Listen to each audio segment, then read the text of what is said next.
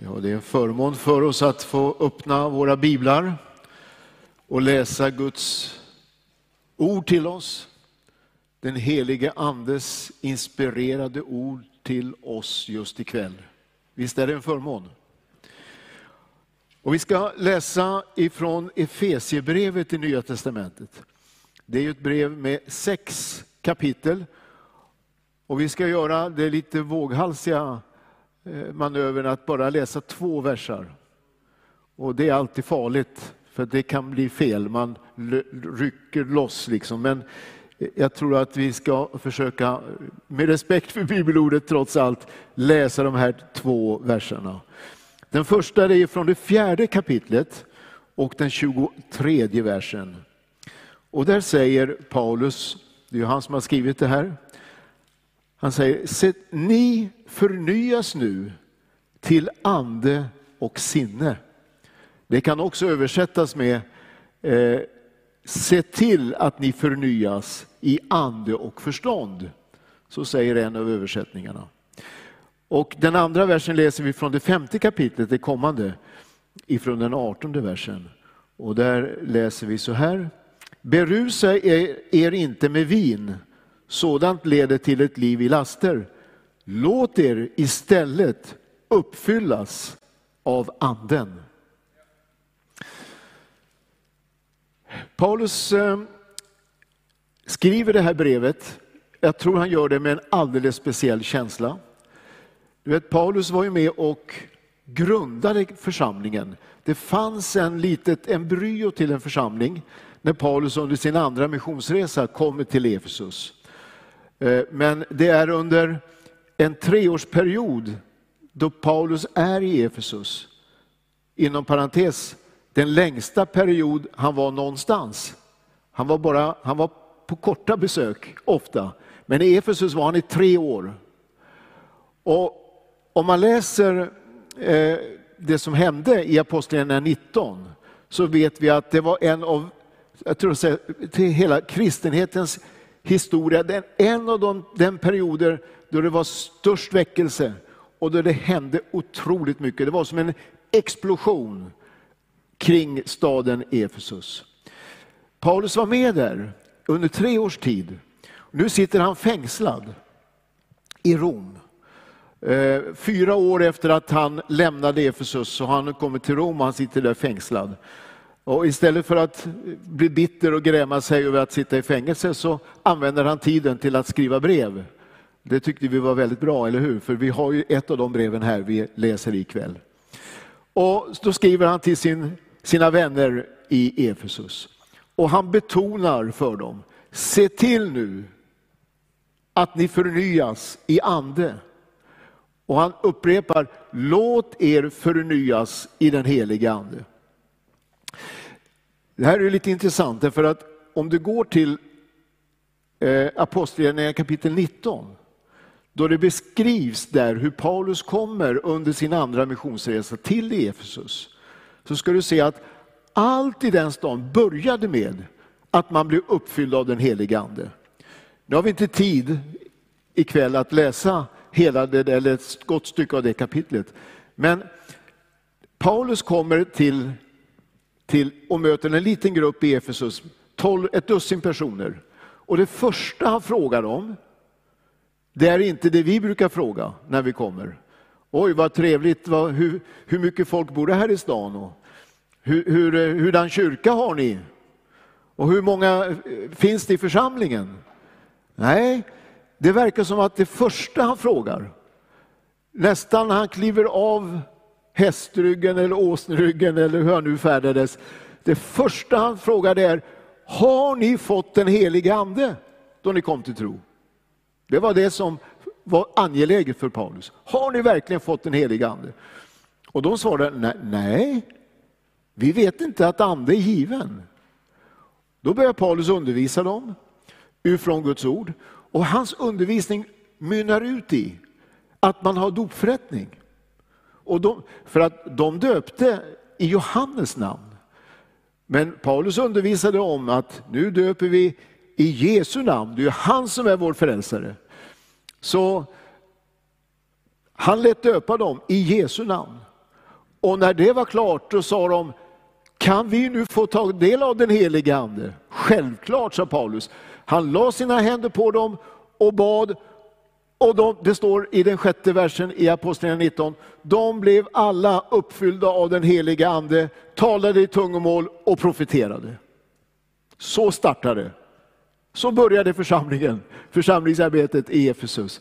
Alla uppfyllda av den heliga Ande.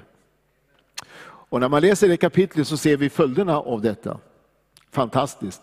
Det började en bibelskola i Efesus under tre års tid. Det var ju så att det fanns en, en lärosal som var upptagen av en tyrannos. Han undervisade i, i, eh, i, i filosofi och sådär. Men mitt på dagen då var det för varmt, så tyrannos sa nu tar vi siesta hörni, nu går vi hem. Och då sa Paulus, jag kan låna lokalen. Så mitt på dagen så använde han lokalen och så undervisade han i Guds ord. Och genom den undervisningen så står det att hela provinsen fick höra Herrens ord. Du förstår vilken, vilken kraft det fanns i den undervisningen. Så hela den provinsen fick höra, hela Asien fick höra det, alltså det är inte hela det vi säger världsdelen Asien, utan det var, världs, det var den, den delen av, av, landet som man kallade för mindre Asien. De fick eh, höra Herrens ord. Och så skedde det under och tecken. Och det brukar det alltid göra när den helige Ande är och färdig, eller hur? Och Lukas som skriver Apostlagärningarna, han var ju medicinare, han var läkare. Och han noterar, han säger, det skedde under om inte vanligt slag genom att apostlarna la sina händer på de sjuka.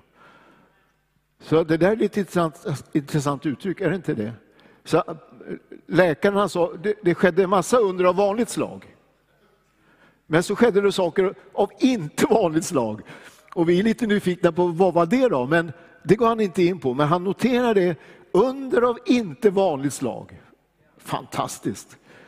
Och så vet vi att det vart också en, eh, han, han, det, det vart en väldig andlig rörelse som mynnade ut i att demoner blev utdrivna. Och eh, man, det var tydligen mycket trolldom i Efesus. Och man samlade ihop alla de här trolldomsböckerna som man hade, brände det och man räknade värdet av det till 50 000 dagslöner du kan du räkna ut vad mycket det är. Om du tänker på vad du själv tjänar per dag och så tar du gånger 50 000. Det var alltså en jättesumma som man bara brände och liksom gjorde rent med det gamla, okulta. Och så bekände man sin tro rent på Jesus. Och det här är ju, vi, tänk om vi hade lite mer tid att läsa. Det här är så spännande. Läs när du kommer hem. Apostlagärningarna kapitel 19. Och när man läser det kommande kapitlet så vet vi att Paulus var också väldigt mycket upptagen med, med personlig undervisning, personlig rådgivning. Han säger till dem att ja, dag och natt så var jag hemma i hemmen och offentligt och jag grät med er, jag undervisade, jag hjälpte. Ja, det var en mycket intressant treårsperiod i Efesus. Men det hela började med att man blev döpta i den helige Ande. Nu har vi som ett, ett tema den här hösten om att få leva i den heliga Ande, vara fylld med den heliga Ande. Och därför är det ju ett erbjudande för, inte bara för människorna i Efesus, utan också för människorna i Eskilstuna, att få bli döpta i den heliga Ande. Du som är här, du som följer oss på nätet, du kan få bli döpt med den heliga Ande. Det är ett löfte vi har i Guds ord. Och det gick ju väldigt lätt för dem i Efesus, eller hur? Och det är inget svårt. Det är inget svårt att öppna sig för den helige Ande. Ja, hur gör man då? Låt mig bara kort säga, det har att göra med ditt dop. Paulus, äh, Petrus säger på pingstdagen, gör bättring, låt er alla döpas till era synders förlåtelse. Då ska ni som gåva undfå den helige Ande. Så låt döpa dig till Kristus. Och så har det att göra med att du ber, för Jesus säger Fadern ger helig ande åt den som ber honom om det. Och Paulus han säger till och med att vi ska be att vi ska vara ivriga i vår bön. Vi ska söka ivrigt efter anden. Och sen naturligtvis har det att göra med vår tro. För det är en gåva. Anden är ju en gåva, precis som frälsningen är en gåva. Och för att ytterligare citera Petrus på pingstdagen. Gör bättring, låt er alla döpas i Jesu Kristi namn till era synders förlåtelse. Då ska ni som gåva undfå den helige Ande. Så det är en gåva som räcks dig. Och en gåva som man måste ta emot och öppna sig för. Nu har jag ju inga småbarn hemma längre, men jag minns ju den perioden när vi hade födelsedagar, när barnen fyllde år. När eh, vi var nere på morgonen före, eh, när, innan folk vaknade, så gjorde man i ordning lite saft och, och, och lite mackor och sådär. Och sen kom man upp till, till rummet och personen i fråga eh, låtsades ju sova, fast man varit vaken länge i, i, i stor förväntan på vad som skulle komma. Och så kommer paketen på sängen och så sjunger man. Och, och du vet, de, de släppte ju allt intresse för brickan som var dukad med godsaker. Och allt det var ju paketen. Och man ivrigt bara slet upp papperna. För man hade ju fått gåvor. Du har fått en gåva, den helige Ande. Varsågod, ta emot. Sök Herren och han ger dig denna gåva.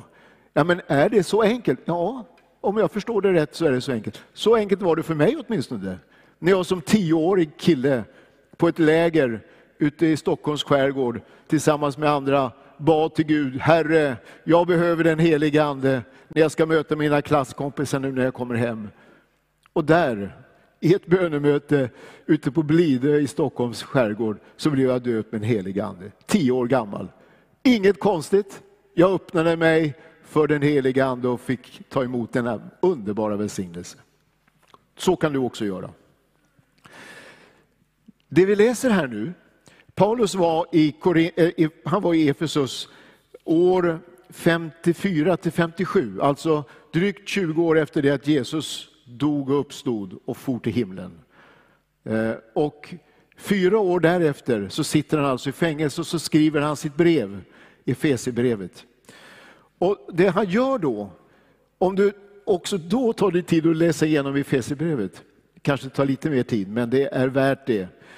Du ska se att hur han gång på gång uppmanar församlingen och sina vänner i Efesus, se nu till att ni förnyas i den heliga Ande.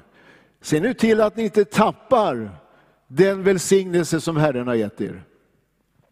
Kan man göra det? Ja, tydligen. Om du läser Galaterbrevet så säger Paulus, ni började i anden. Underbart. Men ni har slutat i köttet. Man tapp, tappade liksom bort det där, det Gud hade gett dem. Och det är därför han uppmanar dem nu efter fyra år, se nu till att ni förnyas i den heliga ande. Ja, säger du, men jag, jag har ju skrivit upp här i, mina, i min bibel, kanske på försättsbladet, att jag är döpt då och då då blev jag döpt i den helige Ande. Ja, det är ju underbart att du kan minnas det. Men det, frågan är ju om du är fylld av den helige Ande idag. Visst är det så? Det, det är anden, liksom, andeuppfyllelse, det är ju färskvara. Det är ju härligt att minnas, men det är ju nu vi behöver uppleva, det är ju idag, det är ju kväll jag behöver vara fylld med den helige Ande. I Apostlagärningarna 2 så står det att på pingstdagen alla blev fyllda med den helige Ande står det. Och de talade i tungomål, det känner du till. I det fjärde kapitlet så hade man bönemöte. Och det står att när de hade slutat att bedja skakades platsen där de var och alla blev uppfyllda av den helige Ande.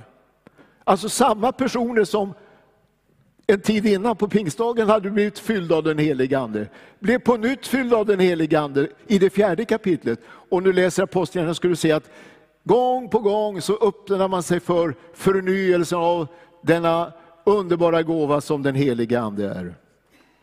Och därför, om du läser Efesierbrevet ska du se att den talar mycket om den helige Ande. Andens enhet. Nu har vi inte tid för ett bibelstudium, men jag ger dig några punkter. Andens enhet. Det talar alltså om andens svärd. Han talar om församlingen som en boning i anden. Anden som ett sigill. Och han talar om visdomens och uppenbarelsens ande och mycket, mycket mer. En fantastisk undervisning om den helige Ande. Så kära vänner, öppna dig för den helige Ande och se till att du förnyas i den helige Ande. Se till att du förnyas. Du vet, bilderna på den helige Ande talar om att det är någonting levande, någonting som pulserar. Eh, anden tal, eh, oftast talar Bibeln om anden i, i bilden av vatten. En källa som flödar, som bara strömmar dag och natt, eller hur? Om du är frisk eller sjuk, om du är på resa eller hemma, om du är deppig eller jätteglad. Det är en källa som bara flödar, dag efter dag. Eller vinden som, som rör sig hela tiden. Det är inget statiskt, utan det är någonting som, eller hur, som, som, eh, som förändras. Oljan, elden, du har alla de här bilderna på den heliga Ande som talar om att vi behöver vara öppna och ta emot av den heliga Ande. Låt mig till slut säga så här. Det finns i de här orden jag läste det är två aspekter. För det första säger Paulus, låt, låt er uppfyllas av den heliga Ande. Det talar om att Gud är den aktive och vi är den passive. Jag låter mig uppfyllas, eller hur? Jag tillåter Gud att komma in i mitt liv. Jag öppnar mitt hjärta för honom i bön, i lovsång. Det är som att vi lever vet du, i ett andligt övertryck. Och så fort vi öppnar bara lite grann så fyller han oss med den heliga Ande. Jag har ibland tagit en mycket naiv och barnslig bild. Om du tar ett kaffepaket som är vakuumförpackat, du vet det finns inget luft i den. Hur gör du för att öppna ett sånt? Hur får du in luft? Måste du, är det krångligt? Ja, Samuel ger mig tipset här att man bara sticker hål. Ett litet, litet passage in så fylls det. Därför att det är ett tryck utanför som är starkare än det som är innanför. Det bara sugs in. Så är det. Vi lever i ett andligt övertryck. Öppna dig och han fyller dig med sin heliga Ande. Låt dig fyllas. Samtidigt så säger han, se till att ni förnyas i ande. Så det är alltså inte bara så att vi är passiva, utan det ligger faktiskt ett ansvar på oss att se till att, upp, att söka Gud och att öppna oss för honom. Det här brevet skrevs cirka år 61 efter Kristus. Det går cirka 30 år, lite drygt, 35, så kommer ett brev till församlingen i Efesus. Brevet är skrivet av Johannes, men det är inte, för, det är inte författat av honom. Du, du kan läsa det brevet i Uppenbarelseboken, det andra kapitlet. Jesus skriver ett brev, men det är Johannes som tecknar ner det. Och jag tror att det var en mycket speciell känsla för Johannes, för att han, han var ju föreståndare i Efesus under många år. Han kände församlingen. Han, när han skrev till dem så såg han dem framför sig, de här kära bröder, systrarna och bröderna som han, han tyckte så mycket om. Och så skriver han hälsningen ifrån Jesus Kristus. Han skriver till församlingen i Efesus. Och vad står det då i det brevet? Ja, jag känner dina gärningar, säger Jesus. Och jag vet att du har så mycket fint. Men, tänk att det finns ett men i det där brevet. Men du har förlorat din första kärlek. Gör då på nytt sådana gärningar som under din första tid. Hur var det under den första tiden? Jo, det var ju anduppfyllelse. Det var under och tecken, det var allt det som kännetecknar ett starkt andligt liv. Det var det under den första tiden. Och det verkar som att man hade inte lyssnat riktigt på Paulus uppmaningar i brevet de hade fått ifrån honom eh, eh när han skriver i Efesierbrevet. Utan det går 30 år och så plötsligt så, så säger Jesus, det är något som fattas dig. Du har, du har förlorat någonting. Din första kärlek det som du upplevde när du var liksom nyförälskad i Jesus, du är uppfylld av den helige Ande. Så gör då sådana gärningar som under din första tid. Hörru, nu är vi här ikväll. Den heliga Ande är oss given. Det är en gåva till oss var och en. Du som aldrig har upplevt uppfyllelsen av den heliga Ande, ikväll är det ditt tillfälle att bli fylld med den heliga Ande. Att få tala i tungomål, profetera till och med. Du som har varit med om denna upplevelse, men känner att amen, jag tar verkligen åt mig av Paulus uppmaning, att jag behöver förnyas i den heliga Ande. Ja men du, det här är en bra kväll att öppna ditt hjärta på nytt och förnyas på nytt i den heliga Ande. Och du som kanske ser tillbaka, det var många år sedan du kände att det flödade i hjärtat. Oj, det kanske var decennier sedan, precis som det var för församlingen i Efesus. Du talade i tungomål.